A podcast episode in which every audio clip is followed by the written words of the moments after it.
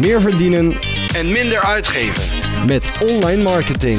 Dit is de DGOC Online Marketing Podcast. Welkom bij weer een nieuwe aflevering van de DGOC Online Marketing Podcast, aflevering nummer 54. Vandaag ga ik in gesprek met Tineke Pauw. Tineke is redacteur en community manager bij het al bekende platform Frank Watching. Als je deze podcast luistert en je kent dat platform niet, schaam je. Ga eens naar frankwatching.com en leer het een en ander. Hallo Tineke. Hi, hallo. Bedankt voor de introductie. Graag gedaan. Eh, welkom. Leuk dat je mee wilt doen aan, eh, aan de show. Mhm. Ja, bedankt Eh, voor de uitnodiging. Ik denk dat veel mensen die, die eh, eh, met Frank Watching werken of eh, wel eens voor Frank Watching schrijven jou, eh, jou tegen zullen komen. Of tegen zijn gekomen. Er zullen ongetwijfeld ook veel mensen zijn die luisteren die jou nog niet eh, kennen. Mhm. Je eens vertellen wie je bent en wat je doet? Oké, eh, nou ja, mijn naam is Tineke Pauw. Eh, ik werk nu ruim een jaar voor Frankwatching als redacteur en community manager. Eh, ik heb overigens zelf in vanaf 2010 ongeveer ook als auteur voor Frankwatching een aantal artikelen geschreven. Dus zo is ooit dat contact ontstaan. Leuk. En nou ja, in mijn vrije tijd onderhoud ik ook een, een blog over Bunnik, genaamd inbunnik.nl. En eh, nou ja, daar woon ik ook in Bunnik met eh, mijn partner en dochter van twee jaar oud. Oh ja, we weten helemaal hoe dat is bij ons thuis. Ons zoontje is ook twee. ja, dat is eh, lekker druk hè? Ja, zo kun je dat zeggen, ja. ja. ja. Leuk. En jij hebt het over, je doet bij mij gelijk een belletje rinkelen, want je zei, je schrijft al sinds 2010 eh, voor Frank Watching ook af en toe wat artikelen. Ik moet je bekennen, eh, ik, en dat is misschien wel bekend bij jullie, dat ik al sinds een maand of vier een, eh, een artikel in concept heb staan voor jullie. Dat moet ik echt eens afmaken. Nou ja, dan moet ik, eens, moet ik er een mailtje achteraan sturen, ja. Ja, ja, je zou je me eigenlijk achter de broek moeten aanzetten. Dat is heel slecht natuurlijk. Mhm. Nou, ik ben heel benieuwd waar het over gaat dan. Ja. Ja, nou ja, dat, eh, te behandelen ik heb geen idee op dit moment. Dat zou ik echt op moeten zoeken. Dat is, eh, dat is voor deze uitzending verder niet, eh, niet relevant. Het komt vast wel een keertje voorbij. Ja, nou, ik kan je daarbij helpen in ieder geval, want eh, dat is mijn rol als eh, redacteur. Ik, eh, ik vind het heel leuk om auteurs ook te helpen en te sparren met ze. Ik bedoel maar, ik bedoel maar. hey, eh, je vertelde in de, voordat we met de opname begonnen dat je al dat eh Frank Watching sinds ongeveer een jaartje ook een, eh, een kantoorlocatie heeft. Eh, dat wist ik nog niet. Voor mij was Frank Watching altijd de club die overal en nergens eh, zat, zeg maar. Ja, ja. Eh, wat is er veranderd sinds dat jullie een kantoor hebben? Ehm, niet zoveel en ondertussen ook wel heel veel of zo. Ja, het is, het is een beetje een mix geworden. Het beste van beide werelden. Beide werelden.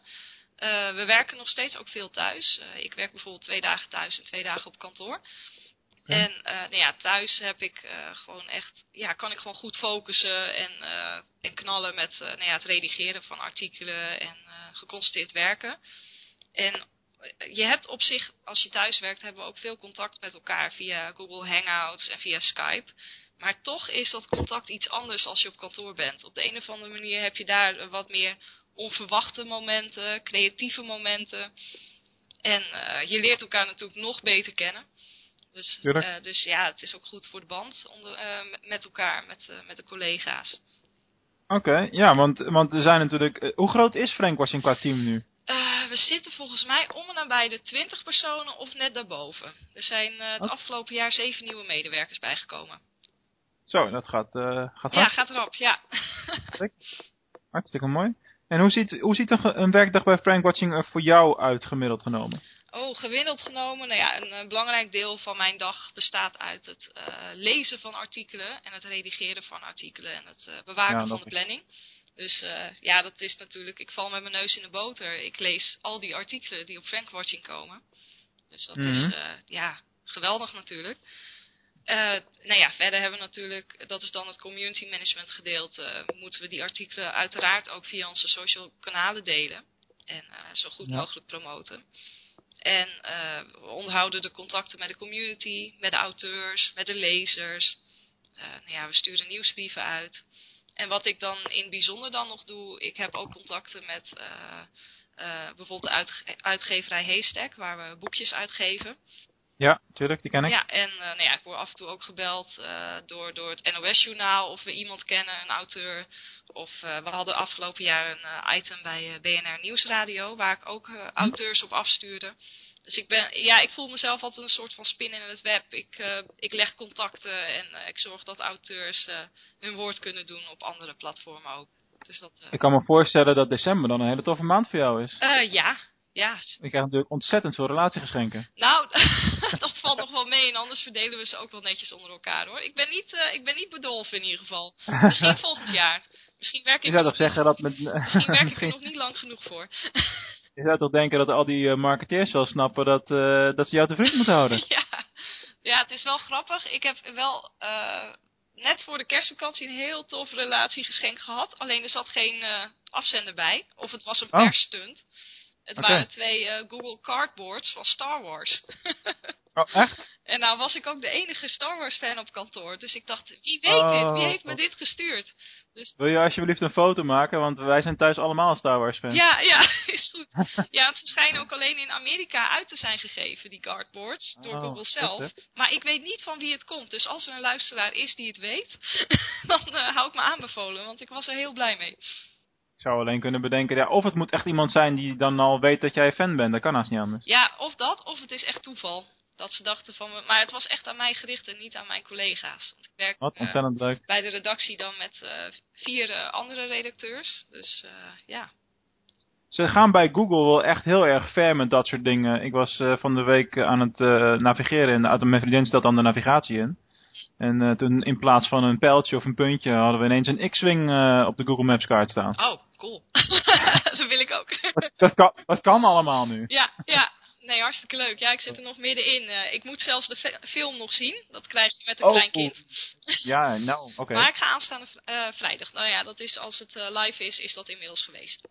Nou, dan ben ik blij dat ik nog niks verklapt heb. nee, oké. nou ja, is voor de luisteraars misschien ook niet zo fijn. Daar had ik nog niet eens bij stilgestaan, maar ik ga er eigenlijk vanuit dat als dit live gaat, pak een beet eind januari, eh, dat eh, de fans hem toch onderhand wel eh, gezien hebben. Zou ik denken. Maar goed, misschien ben ik een beetje fanatiek daar, daarin. Dit wordt een heel ander gesprek ja, ja, we gaan echt de verkeerde kant op, hè? Ja, nou ja, het is hartstikke leuk, maar laten we teruggaan naar, naar de onderwerpen die we bedacht hadden van tevoren. Mhm. Je bent buiten dat je bij Frankwatching actief bent, initiatiefnemer van inbunning.nl, dat vertelde je al. Mhm. Maar wat maakt dat nou tot zo'n leuk blog? Want het is een heel, heel trendy leuk ding. En eh, ja, je, je bladert het, ik heb er even doorheen gebladerd en ik ben toch wel geneigd om meer te lezen hier en daar. Nou, dankjewel. Ehm ja, het, het is echt een nicheblog eigenlijk, hè. Want het richt zich eh, op Bunnik, de inwoners van Bunnik, of mensen die ja, hier op vakantie gaan. En mensen in Utrecht dan misschien ook nog wel, voor wie het interessant is. Mhm. En ehm, ja, ik, eh, ik had niet verwacht dat het zo goed gelezen zou worden. Want ja, ik trek nu gemiddeld 1200 eh, bezoekers per maand. Dat is natuurlijk niks vergeleken met Frankwatching. Maar voor mij al het dubbele van wat ik had gehoopt. Ja, maar je richt je natuurlijk ook alleen op een heel specifiek publiek. Ja, daarom, daarom. Het was het echt het dubbele dan wat ik had gedacht. Maar ja, ja wat het zo leuk maakt, is misschien dat het eh, vanuit een gemis is ontstaan. Ik, eh, ik woon hier nu bijna vijf jaar in Bunnik. En Mhm. eh, ik verhuisde uit Utrecht hierheen. En ik ken het op zich wel. Maar ja, wat er hier nou allemaal te doen is, aan evenementen en activiteiten, daar was ik niet goed van op de hoogte. En ehm, eh, er zijn lokale krantjes en dan zag ik een hele grote foto in de krant van, eh, nou gisteren was dit en dit. ja, ja, ja. ja. En ik denk, ja, potjandori, waarom wist ik dat niet? En het wordt vaak wel aangekondigd door, eh, door ja, de mensen die dat organiseren. Maar dat gaat dan heel versnipperd. Gaat via flyers misschien. Eh, het gaat via posters eh, bij de winkels. Of in dat krantje, maar dan, dan lees ik er overheen. Het is gewoon heel onoverzichtelijk. Dus dat was Ja. een beetje de aanleiding. Ik dacht, ik ga het bij elkaar brengen. Ik ga alles afspeuren en ik zet een, eh, nou ja, in WordPress een site in elkaar. Gewoon met een simpel thema en, en een kalender erbij. En ja, dat- Is, dat, is dat dan al, om het bruggetje even te maken, is dat dan al content curatie? ja, eigenlijk wel. ik zat er ook zo Eh, je, legt eigenlijk, je legt eigenlijk per ongeluk het concept al uit nu. Ja, ja, ja. Ik, eh, ja, ik verzamel eigenlijk wat ik vind. En eh, ik schrijf er natuurlijk zelf nog wel wat leuks omheen. Want dat vind ik gewoon ook ontzettend leuk om te doen. En Ja. ja, ik, ik geef de lezers elke week weekendtips. Van nou, dit kun je nu dit weekend gaan doen. Dat is het eigenlijk inderdaad. Maar en om, om het bruggetje verder af, eh, af te maken, eh, want eh, lang, ik denk niet dat iedereen weet wat, wat we met content curatie eh, bedoelen. Ik, ik bedacht zelf ook wat anders, maar dat vertel ik straks wel. als wat, wat ik in jouw artikel las. Wat is het eigenlijk? Nou, als ik het in eigen woorden mag zeggen, is het eigenlijk het verzamelen van content. En dat kan vanaf je eigen, vanuit je eigen organisatie zijn, maar juist ook van buitenaf. En je voegt dat samen en je maakt er weer iets nieuws en waardevols van. En uh, ja, op Frank Watching zag ik ook een leuke quote van Peter Boots, een andere auteur. En die mm noemt het uh, leentjebuur spelen. En hij zegt daarbij dat je naar de buren gaat, je haalt daar interessante content rondom een uh, bepaald onderwerp. Je maakt daar een selectie van, je voegt desnoods wat eigen smaak toe en je publiceert het op je eigen platform en via social media. Ja. En nou ja, dan is leentjebuur spelen, dat klinkt een beetje oneerbiedig. Het uh, klinkt een beetje als uh, jatten. Maar dat, ja, ik, ik zit meer op de kant van, het, je voegt echt kwaliteit toe. En je kunt het mensen echt makkelijk maken, zoals inderdaad in Bunnik. Ja, kijk, als je niks zou toevoegen, heb je geen bestaansrecht. En die, die fase hebben we natuurlijk al lang gehad. Mhm. Er zijn natuurlijk heel veel partijen die zich ook volledig hadden gericht op allemaal die uh, affiliate linkjes en sites op bepaalde domeinnamen zonder dat er echt boeiende content in stond. Of alleen maar automatisch gegenereerde artikelen en zo. Mhm. Ja, dat werkt niet meer. Nee, nee, nee, inderdaad. Je moet echt waarde toevoegen, echt kwaliteit. En dan gaan mensen dat ja, vanzelf volgen, want dan hebben ze er wat aan. Ja. En uh, als ik, uh, voordat ik je artikel las, uh, aan contentcuratie dacht, dan, uh, wat ik daar, maar dan moet jij maar even zeggen of dat wel of niet juist is. Mhm. dan dacht ik van, nou goed, ik neem bijvoorbeeld zoals dit, ik neem een podcast op. Mm uh, die podcast die, uh, die, die laat ik ook uitschrijven tot, uh, tot blog. Dus dan heb je al twee stukjes, twee keer dezelfde content in een ander formaat. Mm ik neem daar ook een video over op, waarin die audio dan weer terugkomt. Dan heb je al drie stukjes. Diezelfde podcast die benoem ik ook in mijn nieuwsbrief naar, naar mijn klanten toe. en ik deel hem op sociale media. Dus dan, dan ben ik, heb ik echt maar één keer, ik maak iets van content en ik, ik doe er op allerlei plaatsen doe ik er iets mee. Ja. Is dat dan ook contentcuratie of is dat iets anders? Ja, ik zit even te twijfelen. Je zou denken dat het wel onder, uh, onder deze noemer past. Misschien is er ook nog een ander woord voor. Dat ligt op het puntje van mijn tong. Daar kom ik nu even niet op. Maar het is in ieder geval een hele slimme contentstrategie. nou, dankjewel. Dat, uh, dat is het zeker, ja. Ja, het is gewoon minder werk, nee. ja, en, en gewoon op, ja, content op verschillende manieren is... verspreiden. Dat is gewoon heel slim. Het is heel bewust, denk ik, uh, in de zin dat, jij gaf het al aan, van goh, uh, ik ben iemand die heel erg veel leest en graag leest, dus dat is mijn manier. Mm -hmm. En ja, wat ik zei, ik luister zelf vrij graag. Ja. Dus dat is voor mij prettiger. Dus ik, ik ben me ervan bewust dat iedereen daarin anders is. Ja. Dan probeer je het op verschillende manieren aan te, aan te bieden. Ja, klopt. Ik, uh, wij hebben ook wel eens de discussie over uh, online video. En ja, ik, uh, ik vind het toch altijd prettig als je een online video hebt dat er ook nog een uitgebreide beschrijving bij staat. Of misschien zelfs een verslag, want dan kan ik het oh, ja, ja, scannend ja, doorlezen. En in een video kan ik niet lekker scannen. Dat is waar. Maar er een ander is die zweert bij video's natuurlijk. Dus dat, ja, het is inderdaad puur hoe je zelf daarin zit en wat je prettig vindt. Absoluut. Hey, ik las in jouw artikel ook een aantal voorbeelden en cases van uh, succesvolle content uh, curatie. Maar kun je eens uitleggen hoe mensen daar nou geld aan kunnen verdienen? Ja, uh, nou ja, er zijn inderdaad een aantal manieren om geld aan te verdienen. En daarbij moet ik wel even de kudo's geven aan Robin Good. Dat is echt een, mm -hmm. ja, een expert op het gebied van content curatie. ik had hem gezien tijdens het webredactie en content management, of nee, content marketing event van Entopic eind eind november. En daar heb ik hem zien spreken. En uh, ja, hij heeft eigenlijk, hij is daar al jaren mee bezig. Volgens mij al sinds begin 2000 of zo met uh, content curatie. En uh, hij heeft iets van vier, nee, acht, acht vormen van verdienmodellen ontdekt. En hij volgt gewoon allerlei platformen die ermee bezig zijn. En nou ja, dat zijn sponsorships, directe adverteerders, AdSense en affiliates. Dus echt, uh, nou ja, het adverteren heb je natuurlijk. Maar ook abonnementen en sales en trainingen, mentoring en uh, zelfs certificaten zijn mogelijk. Dat, uh, dat is bijvoorbeeld bij Coursera zo. Dus ja, echt, nou ja, dat opende wel voor mij een wereld van, goh, ik, ik had niet eens bedacht dat je zoveel manieren had om daar geld mee te verdienen. Nee, precies. En, maar goed, die, die, die jongen is natuurlijk enorm gefocust op dat ene stukje. Ja, ja, Robin... En uh, dat is misschien ook wel zijn kracht. Ja, hij is ook weer een soort van content curator van content curatie. ja, ja, ja, ja. En uh, als je nou twee uh, voorbeelden daaruit moet plukken, in de vorm van een strategie rondom contentcuratie. Wat zijn dan de beste voorbeelden waar je zo aan denkt? Nou, twee voorbeelden waar ik erg enthousiast van word zijn TechMeme en Blinkist. Nou ja, TechMeme is eigenlijk een site. Wat, wat ik verwonderlijk vond, was dat zij zelf geen uh, artikelen schrijven. Het is echt een platform voor nieuws uit uh, Silicon Valley en startups. Okay. En zij uh, scannen eigenlijk alle nieuwsbronnen af. Dat kan de New York, Time, New York Times zijn, het kan BuzzFeed zijn, het kan nou ja, VentureBeat. Nou ja, alle alle ja, belangrijke bronnen die volgen zij. En Mhm. wat uh, hot and happening is uh, op dat gebied, dat komt op hun site terecht. Met die bronnen erbij. Dus je ziet echt een soort van kort artikel met daaronder alle bronnen, zodat je door kunt klikken. En nou ja, daar verdienen ze eigenlijk geen geld aan. Maar wat er wel gebeurt is dat iedereen naar die site toe gaat. Omdat uh, dat de place to be is waar je echt een overzicht hebt van al die nieuwsbronnen. Ja, ja, precies. En zij vragen geld voor sponsored post. Dus stel dat Microsoft erop wil staan als het dus niet Mhm. via die nieuwsites gebeurt, dan kun je dus betalen om erop te komen. En dat kan, uh, ja, dat kan veel geld opleveren. En andere manieren zijn uh, uh, vacatures en events. Die plaatsen zij ook. En dat is volgens mij voor richting de 3000 dollar per post. Oh, dat aan natuurlijk. Ja, en zo'n, even kijken, zo'n, ik zal het even opzoeken, de cijfers. wat zo'n sponsored post kost, dat kan tussen de 7 en 17.000 dollar kosten. Ja, en, inderdaad. En, uh, maar dat, daar krijgen ze natuurlijk enorm veel kwalitatief verkeer voor terug. Ja. En, en dat lijkt me helder. Ja, absoluut. Dus uh, ze zijn ook bereid om dat uh, te betalen. Ja. Ik kan me voorstellen dat een vergelijkbaar iets ook plaatsvindt op Frankwatch. Zit er daar eigenlijk, ik heb er niet zo heel veel op, op gelet de laatste tijd, maar zitten er ook adverteerders op Frankwatching, behalve jullie eigen producten dan?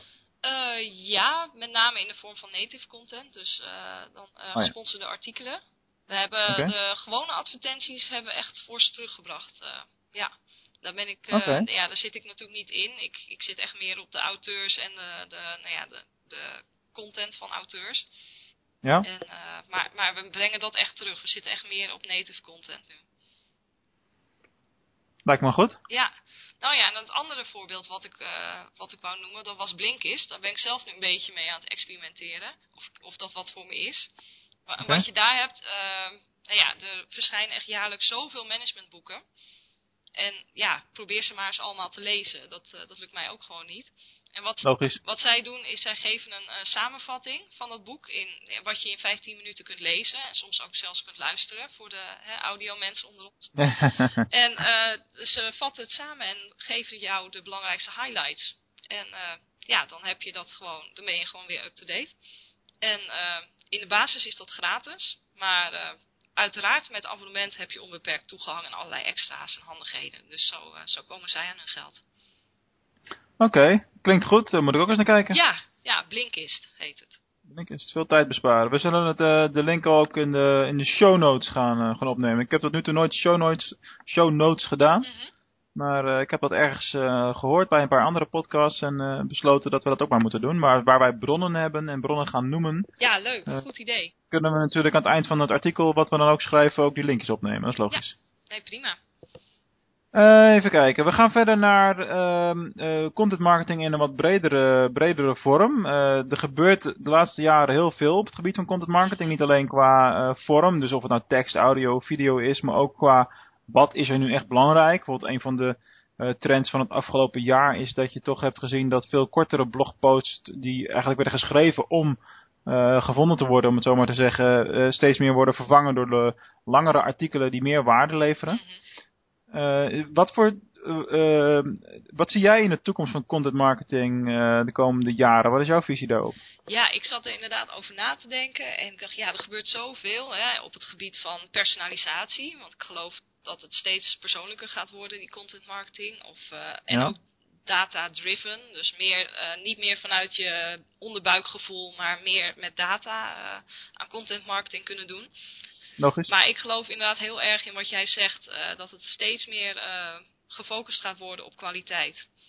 En ja, hoe meer mensen aan content marketing gaan doen, hoe meer ruis er is. Dus je moet echt voor goede content zorgen en voor een goede strategie. En uh, ja, wat, da wat dat betreft heb ik misschien nog wel een grappig voorbeeld van Christina Halversen. Zij is een contentstratege uit de USA, oprichter van Brain Traffic. En zij sprak ook tijdens dat uh, congres uh, in november. En zij, uh, ja, iedereen springt in op content marketing. En dat erv ervoer zij ook in de USA. Uiteraard. Ja. En uh, zij werd ook ingehuurd door een bedrijf wat toiletrollen en servetjes verkoopt. en zij hadden zoiets van, ja, wij gaan aan content marketing doen en we schrijven artikelen, we maken video's, infographics en blogs en alles over uh, papierproducten. En wij willen daar de leider in, de gespreksleider in worden. Uh, met, uh, ja, in conversaties over dat product. En dan kwamen mm -hmm. er dus bijvoorbeeld artikelen over uh, 25 onverwachte manieren waarop je servetjes kunt gebruiken. En je gelooft nooit nummer 10 of zo, weet je wel. Dat soort titels kreeg je dan. Oké. Okay. Maar dat werkte dus niet voor ze. En ze riepen haar om hulp.